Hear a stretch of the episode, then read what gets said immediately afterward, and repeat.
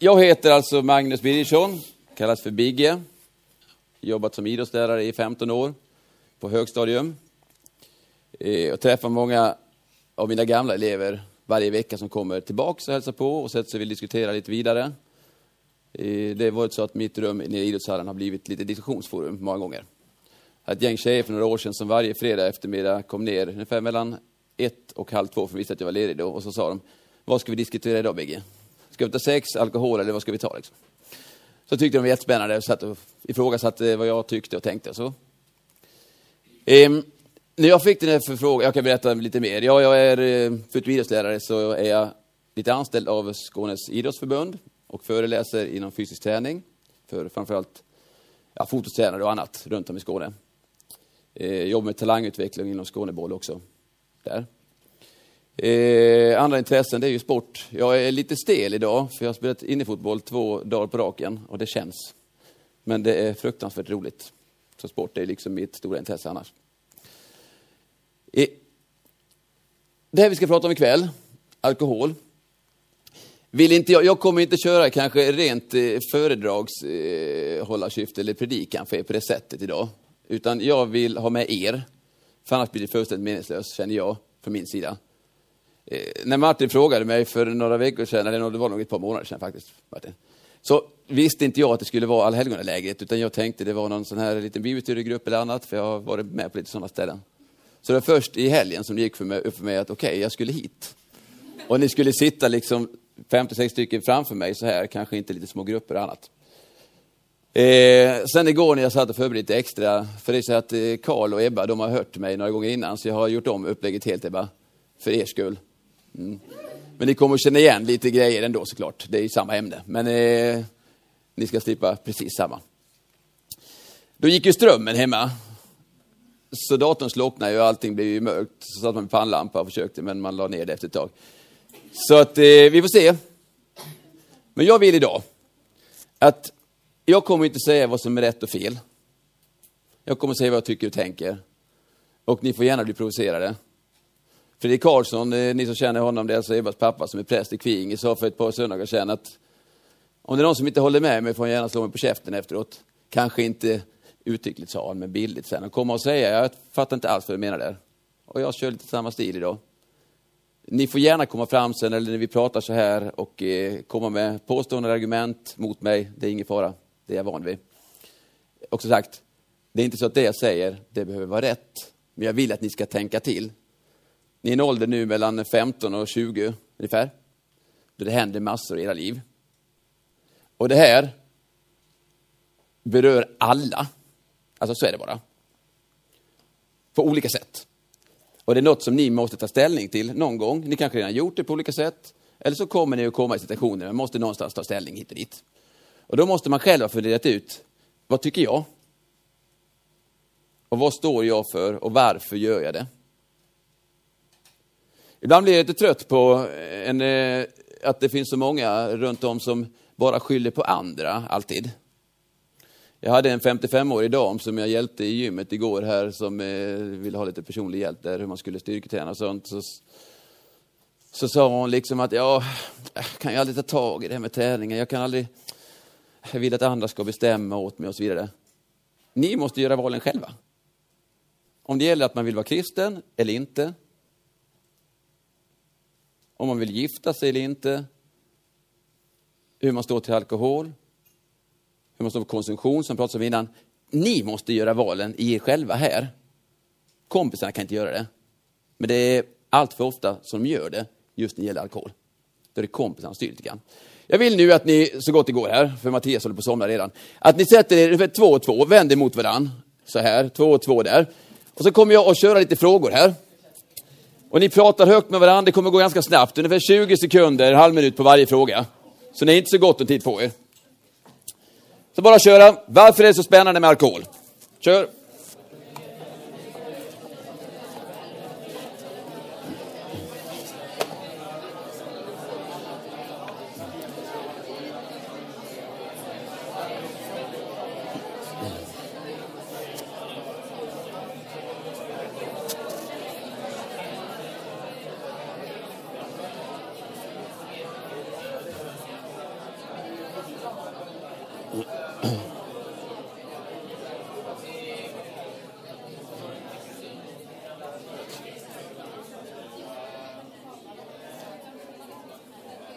Ja, nästa. Varför är det så viktigt med alkohol? Kör.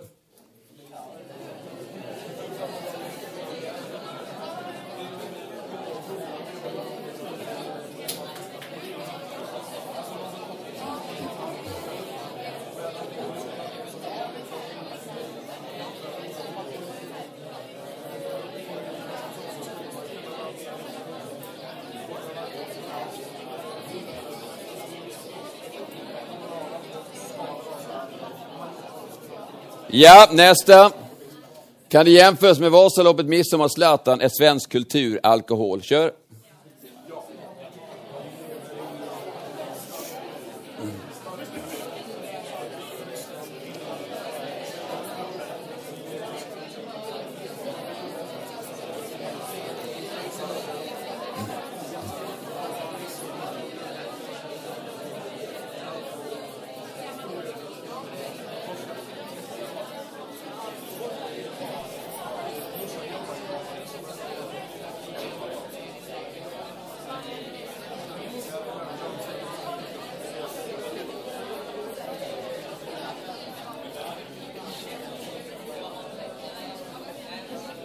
Ja, kör vi nästa.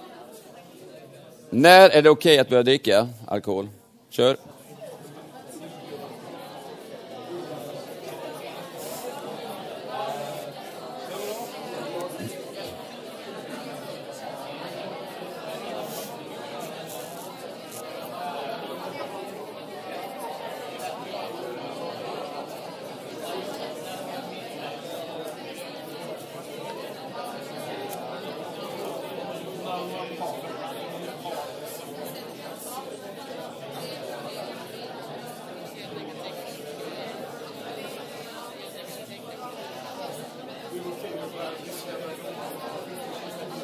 Ja, nästa. Är det skillnad på att dricka lite eller mycket? Jaha. På vilket sätt?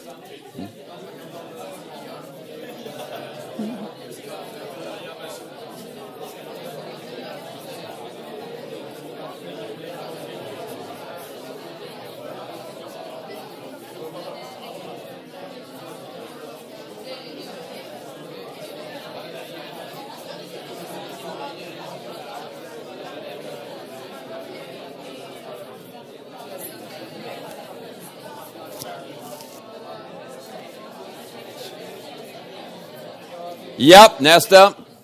När är man mest annorlunda, fikat, speciell, eh, töntig? Om man dricker mycket ofta, om man inte alls dricker. Kör.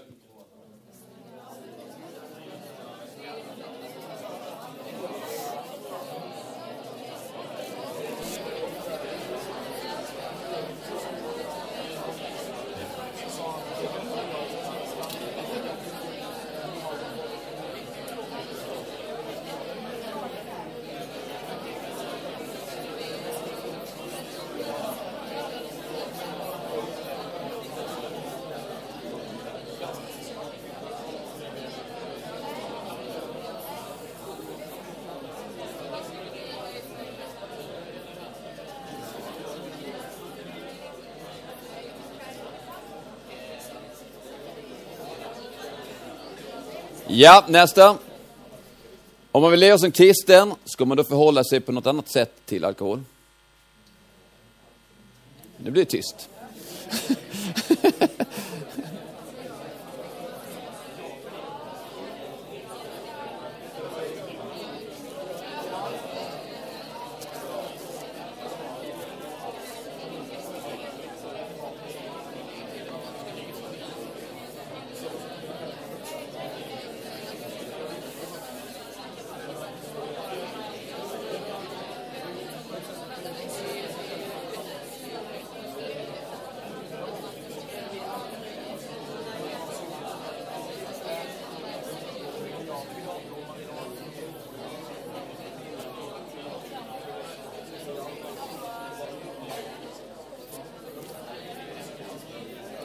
Vi har någon fråga kvar bara.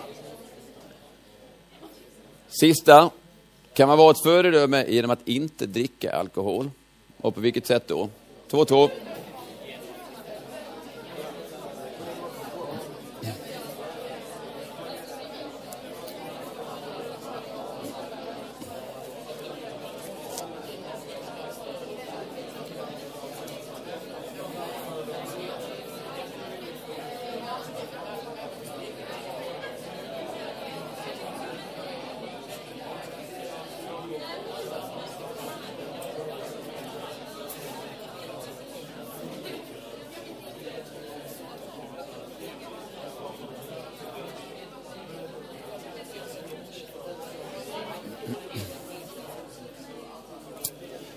Ja, jag tror vi stoppar där. Det var ju väldigt stor skillnad på aktiviteten här mot för två veckor sedan när det var Bromölla. Jag hade alla deras fotbollstränare, så sa jag spåna fritt. Två och två. Det blir tvärtyst. Här var det ju underbart liv. Det är härligt. Nu har ni fått en liten grund. Vi kommer utgå lite från de här grejerna på olika sätt. Och eh, ni kommer från olika bakgrund, olika miljöer. Vi sådana som kanske är uppväxta i kristna hem, sådana som inte har tagit ställning alls, kanske är helt nytt idag.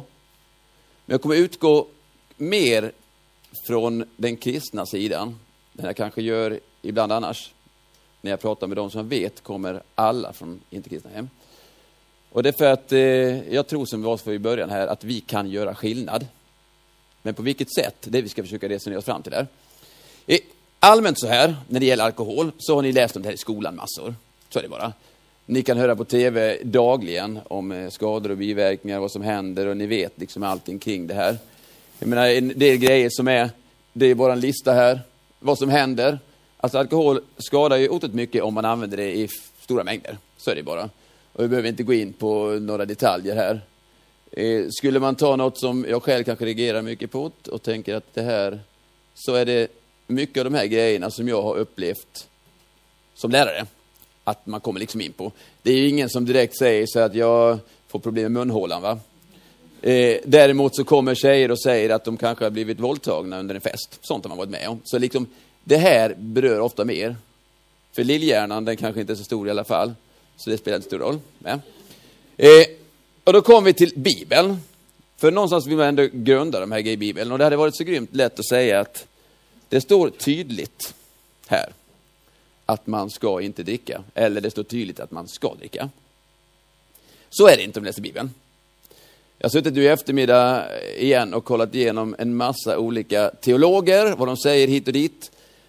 Och det finns, det finns ungefär lika många på varje sida som tycker och tänker om olika saker och man, parallell, man tittar på olika bibelställen och så. Eh, kollar bara några här, jag känner Karl Eva igen. Mm, så kan man bara ta några exempel här. Att det står jättemycket om alkohol i Bibeln, på olika sätt. Det står både det som en fantastisk dryck, framförallt i form av vin då, eh, som användes mycket under Bibelns tid. Det var så att vattnet var inte alls speciellt rent på den tiden. Så till exempel då när eh, han som blev ordinerad för sin mages skull, var det, det kan du Martin, Timoteus. Han som blev ordinerad av Paulus, det var Timoteus, för sin mages skull. Det är ju också mycket det att vattnet gick inte att dricka på det sättet, utan man drack vin. Även om de tvistar om hur mycket alkohol det var i det vinet. Man kunde även på den tiden framställa vin som i princip inte var alkohol alls. Det man överlag, om man tittar på det, kan se, det är att det var en ofta mindre procentsats än vad det är idag när det gäller vin. Men det var absolut alkohol i. Ska man säga. Så det innebär ju att det finns ju i Bibeln. Samtidigt så står det på många ställen också att det kan föra med sig negativa grejer. Eh, det står lite grejer att allt är tillåtet för mig, allt är inte nyttigt. Om du äter, dricker, gör till Guds ära, så du upp under lever och så här, berusa dig inte med vin. Det är bättre kanske att inte dricka vin eh, om någon annan skulle må dåligt av det så här. Men lätt så luddigt. Och samtidigt står det liksom, om man tittar på kanan eh, under det att Jesus gör vatten till vin och det fina vinet som kanske egentligen det var lite mer alkohol i kom sist och så här. Och det gör att det finns överallt i Bibeln. Eh, det man kan se tydligt, det är att dricka sig berusad, alltså dricka som man blir full. Det är aldrig förknippat med någonting gott och precis kan man säga att det är inget som rekommenderas. Och då kanske man kommer till gränsdragningen. okej, okay, vem blir, när Amandus dricker, Amandus dricker eller du dricker, så när blir ni, ni dricker lika mycket och vem blir full var och vad ni ätit innan och mediciner och är ni trötta och så vidare. Alltså, sånt påverkar ju när man blir full. Man har svårt att sätta gränsen själv. Men den läste jag någon, så det behöver inte ta nu. Eh, så att jag menar, det är ju så bara att, ja, jag kan säga att det finns vissa elever i skolan som man har som har väldigt svårt att sätta den gränsen. De tycker att när de kommer dagen efter och frågar sina kompisar om de hade kul på festen, dagen e- innan, de kommer inte ihåg någonting, så tycker de ändå så nej men jag var inte speciellt full, men jag kommer inte ihåg. Säger de. Så var man drar den gränsen, det är väldigt individuellt. Eh, det här är väl kanske det som man kan säga att eh, lite andra aspekter. Jag ska läsa ett litet eh, utdrag ur en eh, fråga från eh, Bibelfokus, ett eh, internetbaserad sajt där man kan ställa frågor. Och jag försökte forska i vilka samfund som låg bakom. Vet ni vilken det är?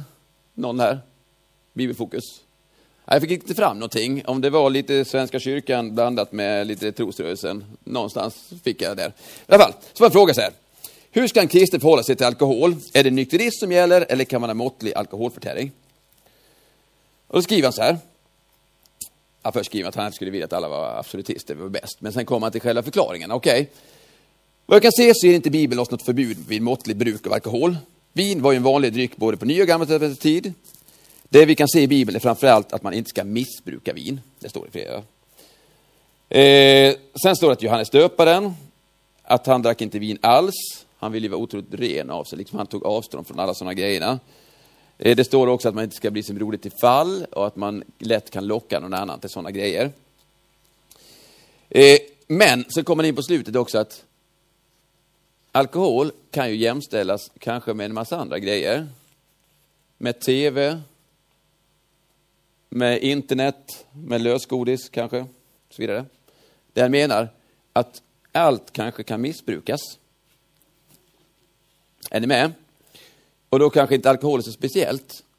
Men det som skiljer alkoholen från många andra grejer, det är att den förstör något så makalöst mycket även för andra. Är ni med? Om Mattias sitter vid internet hemma och kollar på massa sidor som kanske inte är jättebra, så är det så att han förstör sig själv. Men om Lukas är ute på krogen och bjuder med alla sina killskompisar och bjuder dem på en massa öl där så någon däckar och det händer dumma saker. Då har man ett ansvar för dem. Alkoholen ställer till saker med hjärnan. Det är ju ett gift så. Så jag menar, det gör att det skiljer sig kanske lite grann. Eh, credo känner ni till, många. Det var ett, jag ska läsa det högt, ni som inte ser det här. Då var det en fråga som de hade fått 2012 här av en eh, läsare, om det var synd att dricka alkohol som kristen. Då svarade han så här. Bibeln förbjuder oss inte att dricka alkohol. Den talar till och med om vin som gör människan glad, i saltaren där. Men Bibeln förbjuder faktiskt fylla och varnar på många ställen för vad som händer om man dricker för mycket. Missbruket av alkohol är ett av de största problemen i dagens samhälle och det bryter ner enskilda och familjer. Det som bryter ner Guds goda tankar för oss är synd. Här kan man tillämpa det Paulus skriver i första Korinthierbrevet 6 och 12. Allt är tillåtet för mig, men allt är inte nyttigt. Allt är tillåtet för mig, men ingenting får ta makten över mig.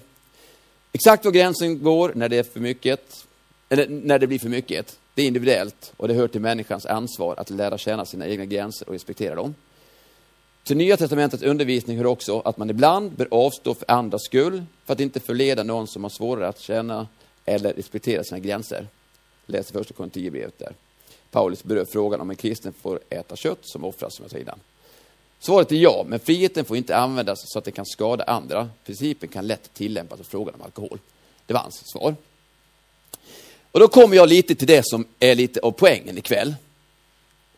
Som jag själv tycker är lite skrämmande. Och det är det.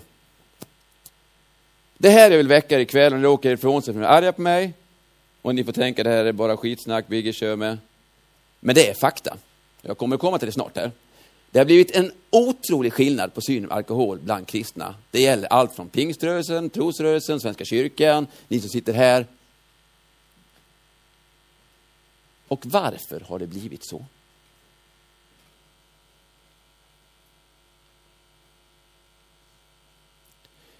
När Martin och jag växte upp, när vi var unga, det är länge sedan nu, så var det inte många vuxna som drack alkohol i våra sammanhang. Svenska kyrkan har alltid varit lite mer, det kommer att se en undersökning här, lite mer där, medan trosrörelsen, alltså man säger Livets Ord inspirerade och pingströrelsen, där var det noll. Vi var kanske lite mittemellan, men det var i ingen som talade om det. Min farfar som var resepredikant för många, många år sedan, han är död sedan eh, 20 år tillbaka här. Han reste mycket i Danmark och då sa han att ja, enda gången jag drack det, det var när de danska predikanterna ville bjuda på en liten hutt i, efteråt där. Så, ja, men annars drack jag ingenting och det var väldigt ovanligt. Så i Danmark var det lite mer, men i Sverige var det liksom väldigt, väldigt eh, lite av den varan. Sen hände någonstans på, jag vet att på 80-talet var det så att bland, bland unga kristna, det förekom det. Det kunde till och med smugglas in på Strandhem när jag var på läger och sådana ställen. På nätterna kom det bilar. Jag vet inte om du kommer ihåg det Martin? Stannade ute där och sen så såg man någon sprang in med en kasse på rummen och sen söp det lite inne på rummen innan John-Erik kom. Men, men grejen är att nu är det inte så. Då var det ingen som ville stoltsera med det. Nu är det liksom väldigt fritt. När man diskuterar med er antagligen och många av mina andra kompisar och deras barn så är det liksom att gå på krogen och gå ut liksom så festa så här. Det är naturligt i kristna sammanhang. Det är helt naturligt, man inte ens funderar på det. Och då kan man ju se så här, det var en artikel i Världen idag, ett tag sedan. Att Mia här, hon började dricka på en kristen fest. Och fick det ledigt sen till ett missbruk som gjorde att hon då skilde sig från sin eh, man och alla den biten och hamnade i ett missbruk. Och otrohet och så vidare. Och nu har hon då med hjälp av Gud och hans ledning kommit tillbaka både till kristna församlingen och också då till en kristen gemenskap. Och då känner man liksom när man läser sånt här, okej, okay, är det så det ska vara? För jag vet att i många undersökningar som görs så är det så att alla ni som sitter här, ni tycker det var ganska konstigt om jag och Martin dukade fram lite groggar här på bordet och bjöd er på nu va? Mm, det kunde bli en trevlig kväll, kanske blir lite gladare vissa som sitter och håller på att somna. Men ni hade tyckt att det känns lite konstigt, vi är ju på ett kristet läge kanske. Men när man kommer hem, då är det naturligt kanske att bjuda hem några. Nu kör vi tipsexa, nu köper vi in ett flak. Och då tar man inte den, kanske, den ölen som är svagast, utan då köper man starköl. För då händer det ju någonting också, man blir lite... Men varför inte i kyrkan? Varför bara utanför kyrkan? Är ni med? Eh, det var lite komiskt, för jag fick tillbaka strömmen i morse här, igår kväll. Så stod det Expressen idag, tisdag. Första nyheten på nöjessidan står det Stjärnornas nyktra liv. Fler och fler väljer bort alkoholen. Och så börjar man kika på det här. Och då ser man att det börjar bli en trend, särskilt i Hollywood, att fler och fler blir helnykterister. Jag menar Gunde Svan känner ni till, han är extrem i allting. Men han sa, ja men det är ju, han var min idol när jag växte upp, men just för att han vågade gå sin egen väg. Och han sa så här, precis som jag upplevt under uppväxten, att ju fler gånger jag sa, nej jag dricker inte, ju stoltare blev jag. Hans ego växte, han har ju ett så stort ego, det vet ni. Men han tyckte, han var liksom stolt över det, han kröp inte runt, nej jag vill inte ha.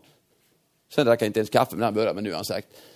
Men om man tittar här, det är inte alla som är till och med kändisarna som Kim och Steve. Det är alltså riktigt, riktigt stora megakändisar i övriga världen. Kanske inte i Skåne, men i övriga världen. Va?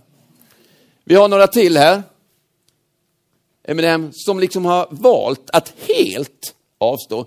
Nu ska jag lägga till att Jennifer Lopez sa att om hon på en fest, om hon måste för att det inte skulle sticka ögonen på alla andra, det var något så här releaseparten och grejer, så kunde hon ta lite, lite grann. Så jag inte ljuger för er här. Eh, men annars, sen så var hennes kanske orsak var att hon tyckte det förstörde hyn. Så det är olika saker man har. Men, eh, och det är kanske inte det som jag tänker ni ska gå hem med idag och säga till era föräldrar, jag har slutat nu för hyn förstörs. Utan det finns andra grejer som är viktigare. Eh, Vännerstjärnan, som jag kanske då trodde att var nästan alkoholiserad vid det här laget. Han har sett lite sånt ut på bilderna, han ser inte lika pigg ut längre. Han hade ju trassel då, men han liksom la ner det. Och sen har han inte druckit sedan 90-talet och han mår mycket bättre. Vi har andra här som går ut som säger det att fler och fler, säger han eh, Adam Tensta här, slutar ju med det här. Särskilt gäller det innerstan i Stockholm, Göteborg, Malmö. Det är fler och fler som slutar där. Ute på landet brukar jag säga Östra Göinge kommun, det är ju en sån här plats där det ligger högst på alla statistik som finns över alkohol. Moppar och sånt, det finns där också. Eh, andra Gudde Svan som jag sagt. Vi har Mikael Bindefeld som ordnar alla parter på, eh, i Stockholm, ni vet de här Spybar och de ställena. Men han dricker inte själv, för han måste hålla sig klar och sen så serverar han ju andra. Det kan man tycka är dubbelmoral. Verkligen. Men han skulle aldrig göra det. Han vill ha koll. Rickard eh, Lång eh, eh, Sjöberg här, som ni har sett på tv. Han är ju lång, men han är också helnykterist. Och det han är mest trött över, det är att alltid behöva försvara sig för sina journalistkompisar att han inte dricker. Han är, om jag har förstått rätt, också kristen, Rickard. Men han tycker att det finns så många fördelar med att inte göra det. Vi har andra, om vi drar fram här lite namn, nej vi kan ta tillbaka det, som inte dricker. Man kan ju tro att Björn Gustafsson super på som bara den, för han är ju väldigt duktig på att spela sån. Men han är helnykterist. Och då kan man fundera så här. Varför alla de här helnykterister, medan ni som sitter här inte är det?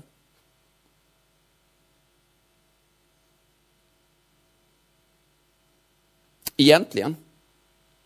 De tycker att det är skillnad i deras liv. De tycker att de får mer tid, de tycker att de blir klarare, de vet alltid vad de gör. De tycker att för deras hälsas skull, de tycker för sin omgivnings skull, de har haft kompisar som dragits ner i skiten, som har gjort att de själva har avstått. En massa sådana argument som de har. Men de är inte kristna. Ja, Rickard var det, men vad jag vet av de andra, det kanske de är, jag hoppas det.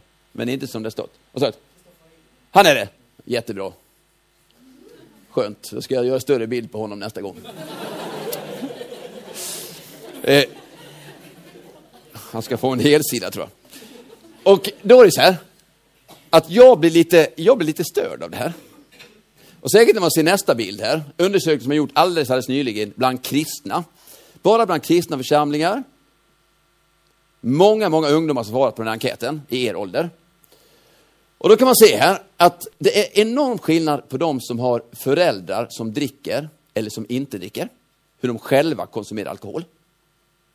Och nu säger jag att ni kanske, det kanske dröjer några år innan ni är föräldrar, men för vissa är det inte så långt borta kanske.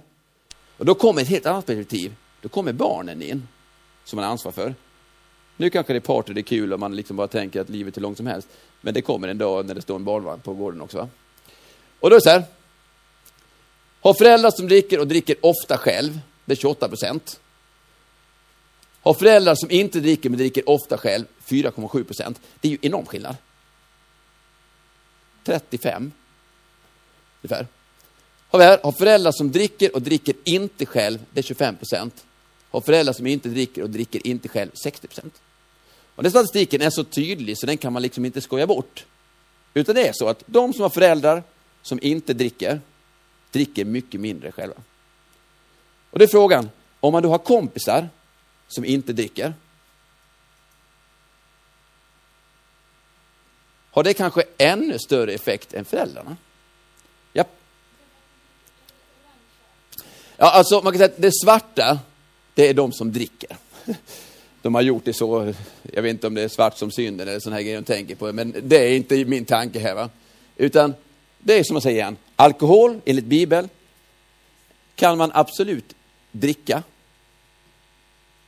Men det är ändå lite konstigt kanske att det svänger bland kristna men det svänger tillbaka bland de som inte är kristna. Jag kan kanske repetera igen. Om man har föräldrar som dricker hemma, som tar fram vin och öl på kvällarna och sådana grejer, eller på helgerna. De barnen är det alltså 28,4 som dricker ofta själv. Ungefär eh, en fjärdedel kan man säga. Då. Om vi jämför då med en, 20, en av 20 ungefär, om man har föräldrar som inte dricker hemma men som ändå dricker ofta själv. Är ni med då? Mm. Eh, och därför vill jag att ni nu snabbt bara tänker på de här grejerna lite grann och sen tar vi tre frågor här, lite snabbt, som kommer. Kör! Två, två igen. Vad innebär att vara i världen men inte av världen? På vilket sätt har vi ett ansvar för medmänniskor? Och är krogen ett bra ställe att missionera på? Kör!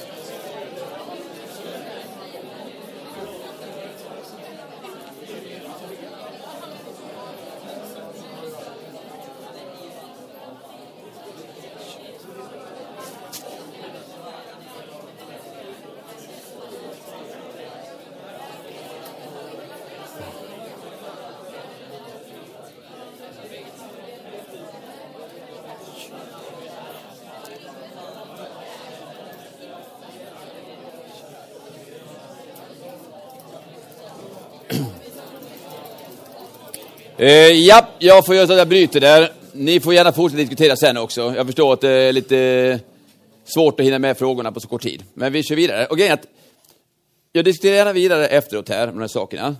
Men vi kommer inte ta upp de här grejerna i storgrupp nu, utan vi hinner inte med riktigt. Utan jag vill mest väcka, väcka tankar idag. Eh, de har också gjort lite undersökningar bland ungdomar och frågat vad de tycker. Och jag ska ge några svar här. Eh, är det rätt att dricka alkohol som kristen? Och det är alltså kristna de har frågat. Och det man kan se som sticker ut lite, det är fler som har svarat egentligen, men jag tog några här.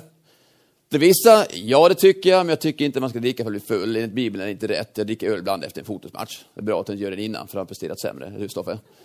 Eh, och det står ett annat. Men de här två som har ringat in, det är alltså två stycken som har blivit kristna.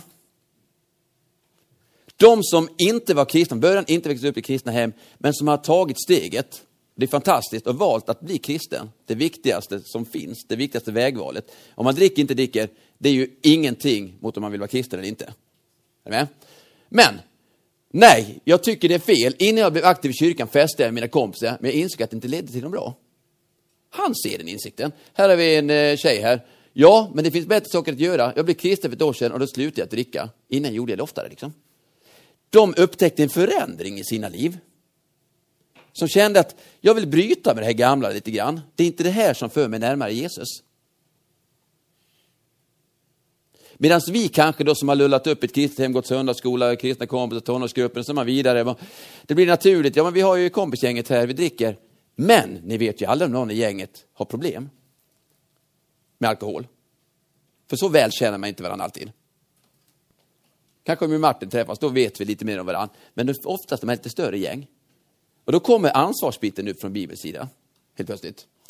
Eh, det står en ledare i världen idag som jag ska ta lite mot avslutning här, som jag tycker är ruskigt bra, efter en undersökning.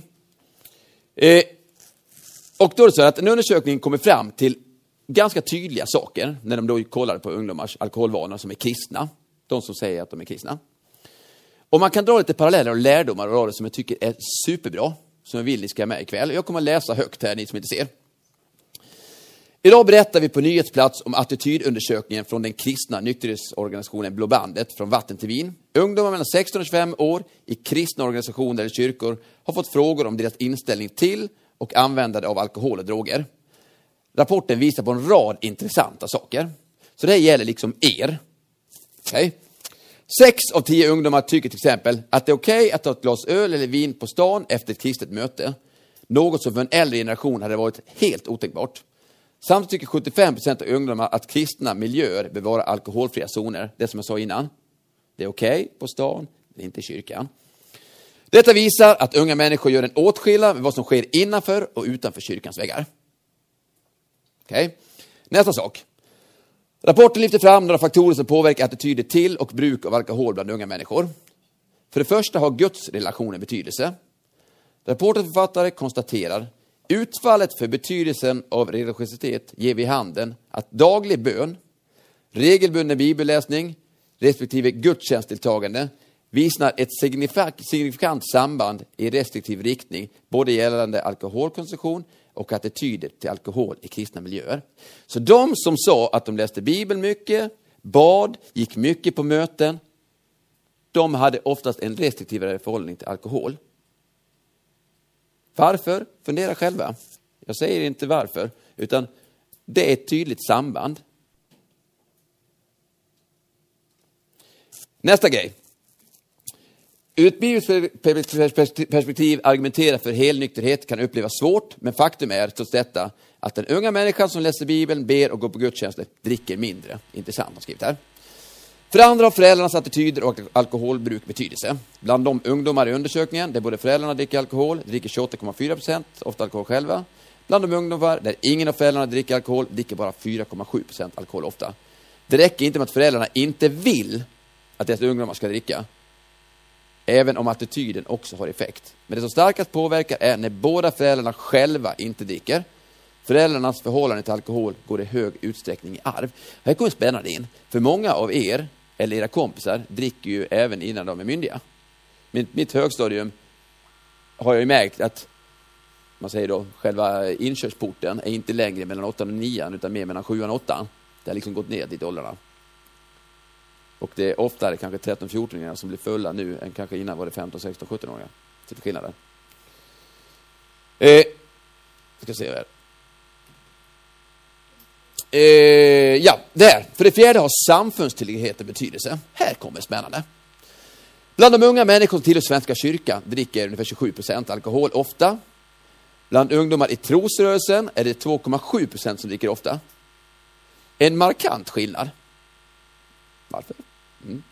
Samma siffra i fyrkyrkan är över till 10,4 procent.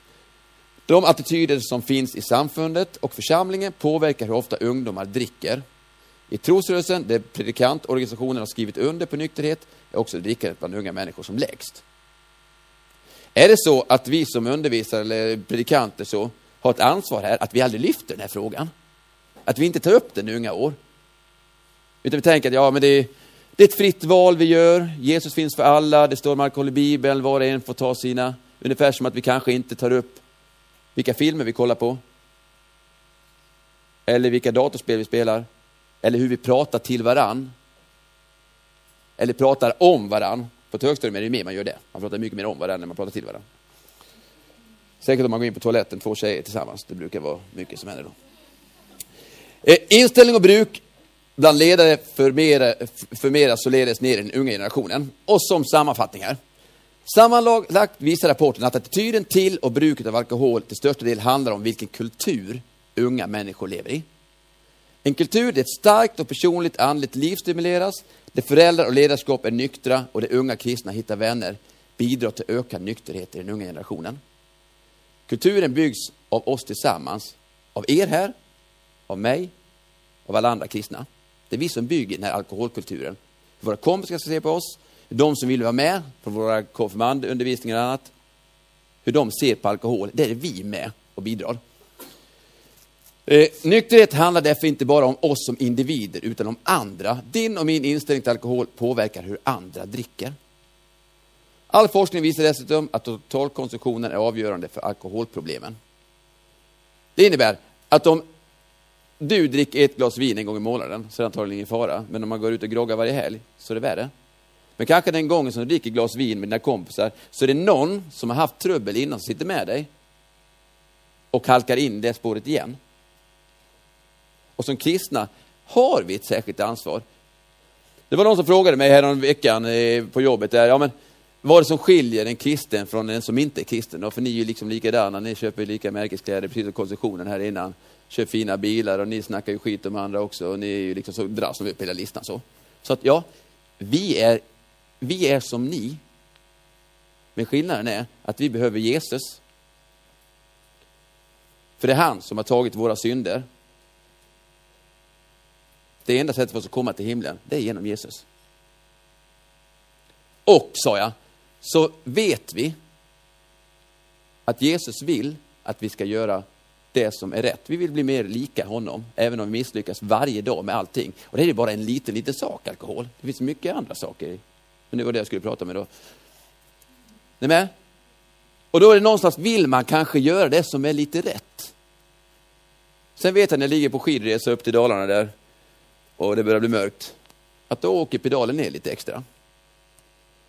Och då kanske man ibland struntar i de där hastighetsbestämmelserna. Och det är inte bra det heller. Så det ska inte vara så att okej, okay, är, man, är man nykterist då är man perfekt. För det sticker mycket i ögonen på andra. Nykterister tror att de är bättre än oss och därför ska jag minsann... Det kan också vara så. Jag har fått höra det hela mitt liv. Att tror du att du är bättre än oss? Nej, så gör som ni vill. Men din och min nykterhet kan rädda en ung generation kristna från alkoholens klor. Och jag kommer inte säga så mycket mer ikväll, för klockan är alltså kvart över och jag fick ungefär den tiden på mig. Men jag vill som slutord, innan jag ber lite här, säga att jag vill att ni tänker till. Ni kan spela stor roll för er omgivning. Här sitter en kille som är supercool, bland de coolaste i Kristianstad när han är inne och går där va? Men? Jag menar inte det, jag menar han. Nej, jag skojar bara. Nej, jag menar det. Och tänk när han då går med sina kompisar en lördagkväll. Så säger han, vi går till krogen. Är det bästa miljön att ta sina kompisar, som kanske precis har blivit kristna, eller kanske som har levt i ett lite mer skyddat, skyddad verkstad hemma, och som tycker att Åh, vad häftigt att få testa någonting nytt. Eller finns det andra alternativ? För det är så att, att dricka alkohol, det är inte fel i sig. Om ni är föräldrar och så vidare som dricker vin och öl och så vidare, gå inte hem och säg Vigge sagt att ni är, är fördärvet här. För så är det inte. Det kan man absolut göra, men man måste vara medveten vad man gör och ta ett val. Man kan välja att dricka vin varje dag. Man kan välja att dricka stark öl varje gång i samband med en match, eller efter som stod här. Man kan också välja att gå till krogen och supa sig dyngrak. Men, det är så att den miljön som man är i, den präglas, präglas man av. Så är det. Att ni är på läger här är ju fantastiskt suveränt. Ni får ju energi, ni får träffa kristna kompisar och känna en miljö när ni möter Martin och andra ledare som visar föredömen i mycket och ni kan få diskutera och prata sånt som ni funderar på. För sånt här, det funderar ju alla på. Så är det bara. Och därför måste man våga diskutera. Diskutera i ungdomsgrupper, diskutera det med era predikanter som ni träffar på, eller bibelstudieledare, diskutera med era föräldrar. Men förstår att du kan göra skillnad. Jag har massor av gånger hört folk som kommit till mig och också sagt, Bigge, tack för att du inte drack. Och det är kanske ibland sådana som jag har tyckt varit lite mindre stående, för vi är ju ändå lite bättre. För vi har ju kanske lite finare bilar och lite bättre liv och har fin utbildning och tjänar rätt så bra med pengar. Även om lärare inte alltid gör det kanske. Så är det så. Medan kompisar som har haft som har tyckt att de har varit lite sämre, det är ofta de som kommer och tackar. För de som har trubblan och problemen. Och då känns det väldigt bra. Och då tänker jag, det är ju de som ska titta ner på mig istället. Egentligen. Vi kan vara medmänniskor på många olika sätt. Skulle det sitta ett gäng eh, invandrare där så behöver man kanske inte ta den största grisen va? och steka på. Om de har en annan religion. Vi kan visa hänsyn på många sätt. Så det här är bara en sak. Men den här berör er och ni kommer nu närmaste åren att hamna i massor av situationer där alkohol förekommer. Och då gäller det att man själv har tänkt till. Okej, okay, Bibeln säger inte riktigt någonting, men det man kan se är att en nykter livsstil, det är ju inte något som oftast leder till något negativt. Utan kan ha väldigt många positiva grejer med sig. Vi knäpper händerna där. Tack Jesus för att du har varit med oss den här stunden. Låt de här grejerna jag har sagt landa någorlunda rätt. Låt det provocera på ett bra sätt.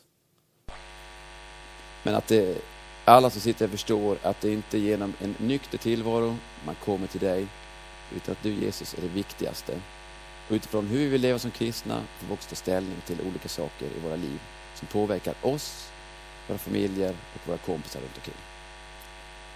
Välsigna alla som är här och sortera deras tankar och var med dem i det. Och låt dem få fortsatt trevlig kväll och ett läger här. I Jesu namn.